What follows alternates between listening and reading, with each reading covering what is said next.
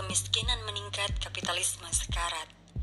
Ketimpangan sosial dan kesenjangan global membuktikan kapitalisme banyak kelemahan dan berdampak buruk bagi kehidupan. Kekayaan orang kaya berlipat bersamaan dengan kemiskinan. Pandemi telah membuka barok kerusakan kapitalisme satu persatu. Fenomena orang kaya makin kaya dan orang miskin tambah miskin hampir melanda di negeri yang mengadopsi kapitalisme. Padahal di sisi lain, jumlah penduduk miskin selama pandemi mengalami peningkatan.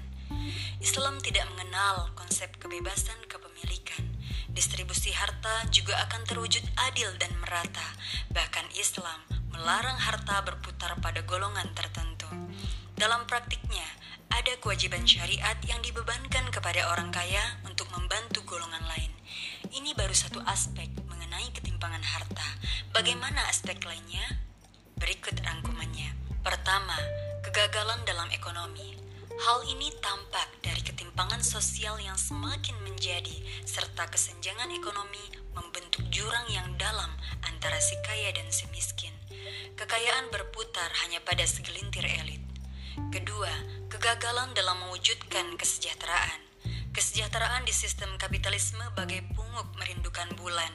Kalaulah sejahtera, masyarakat kelas atas saja yang menikmatinya, sementara rakyat bawah justru bergelayut dengan kemiskinan.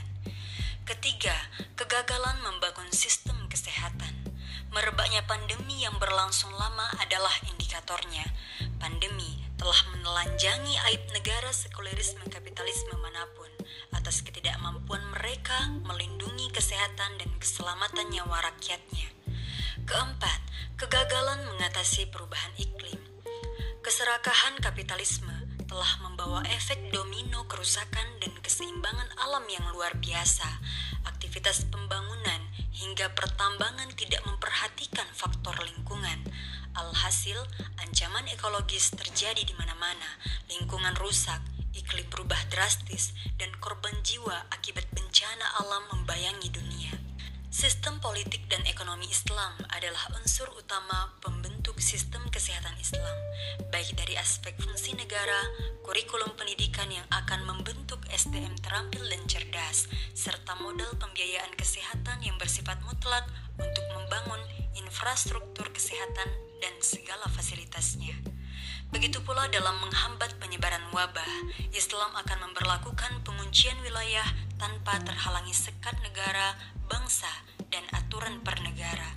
Semua itu akan berjalan efektif dengan syarat sistem kapitalisme tidak lagi diterapkan. Kapitalisme sudah jelas gagal membawa kehidupan ini berjalan ke arah yang lebih baik. Dunia pasti lebih baik dengan penerapan Islam secara kafah. Mari buktikan dengan menegakkan dan menerapkan khilafah yang sudah teruji secara empiris dan secara ideologis memiliki konsep lengkap dalam menyolusi setiap persoalan manusia.